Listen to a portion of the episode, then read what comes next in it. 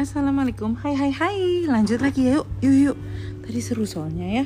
Oke, day 103 Suhaib setelah dia accept Islam kemudian apa? Dia diharas sama Quraisy ya kan. Tapi dia lebih kuat kekuatannya ya. Day 103 he left Makkah. Dia meninggalkan Makkah. Later on When the persecution became unbearable, tambah-tambah lagi, udah nggak kuat lagi, the Prophet instructed his followers to migrate to Madinah. Ya, Suhaib intended to migrate with the Prophet and Abu Bakar, but the Quraysh found out about his plan and foiled it. Ya, halo. Dan akhirnya tinggal uh, Nabi Muhammad sama Abu Bakar berdua kan yang pergi melewati gua. They engage guard to keep a watch on him day and night so that he did not leave and take with him the wealth he had amassed. Karena dia kaya ya. Jadi orang Quraisy tuh ngerti gitu. Kalau dia misalkan pakai duitnya untuk bantu dan segala macam Nabi Muhammad ya kan? Jadi gampang ke track gitu. So for the time being Suhaib had not give up his plan and remain in Makkah. Dia tetap ya. Meanwhile the Prophet and Abu Bakar had gone to Madinah as Suhaib could not go with them, he decided to wait for the right opportunity to present itself. First, he had to fool the guard. yeah, fool guards, yeah.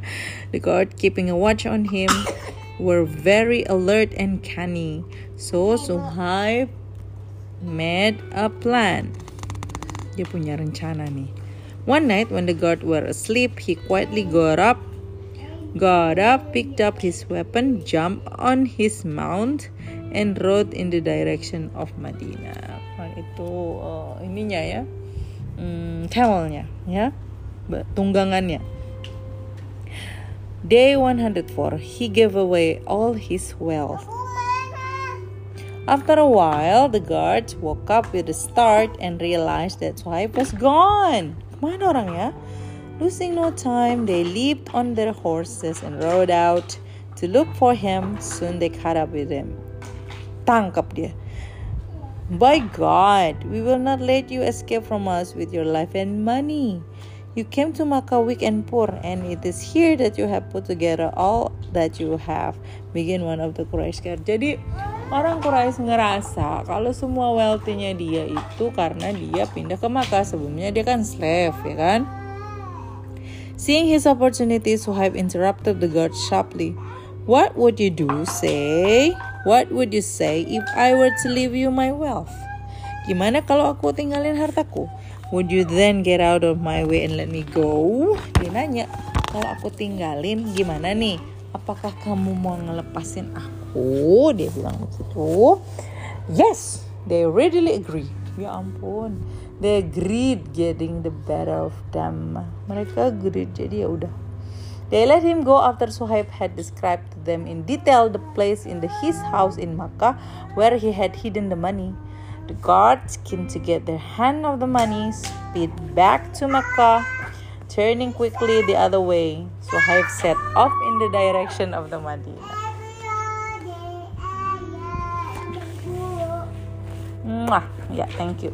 Nah, gitu. Jadi dia beruntung juga nih itunya greedy. Jadi mereka mau ngambil hartanya langsung ke rumahnya ya. Oke jadi dia kabur langsung ke Madinah. Wait ini ibu abisin eh Mahle abisin aja nih satu lagi ya. Day 105 a profitable bargain. Suhaib had a long tiring journey ahead of him but his desire to be with the Prophet and to be able to worship Allah freely and in peace led him on. Tuh kan, kamu akan mengorbankan segala apa pun agar kamu bisa beribadah dengan tenang, ya kan?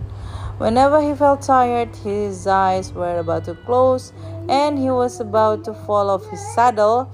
He would think of the Prophet and console himself that he would be with him in a day or two. Masya Allah. This soothing thought wiped away his tiredness and keep and kept him riding onward.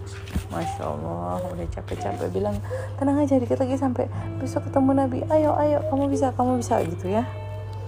At the time when Suhaib reached the city, the Prophet was at Kuba. Though immensely tired, Suhaib went straight to him. The Prophet was extremely happy to see him and greeted him. Beaming with joy, he said, You have made it up you have made a most profitable bargain. He repeated these words no less than three times. Wah, ya disambut sama Nabi. This is the most profitable bargain. Iya, bargainnya bisa ketemu sama Nabi dibandingkan dengan harta-hartanya ya. Masya Allah, Masya Allah, begitu banyak orang yang bersedia mengorbankan dirinya buat Nabi. Coba kalau nggak gara-gara um, sifatnya Nabi apalagi kalau nggak gara-gara charmingnya dia gara-gara cara dia berdakwah apalagi coba yang bikin kita begitu ya kan hmm oke okay.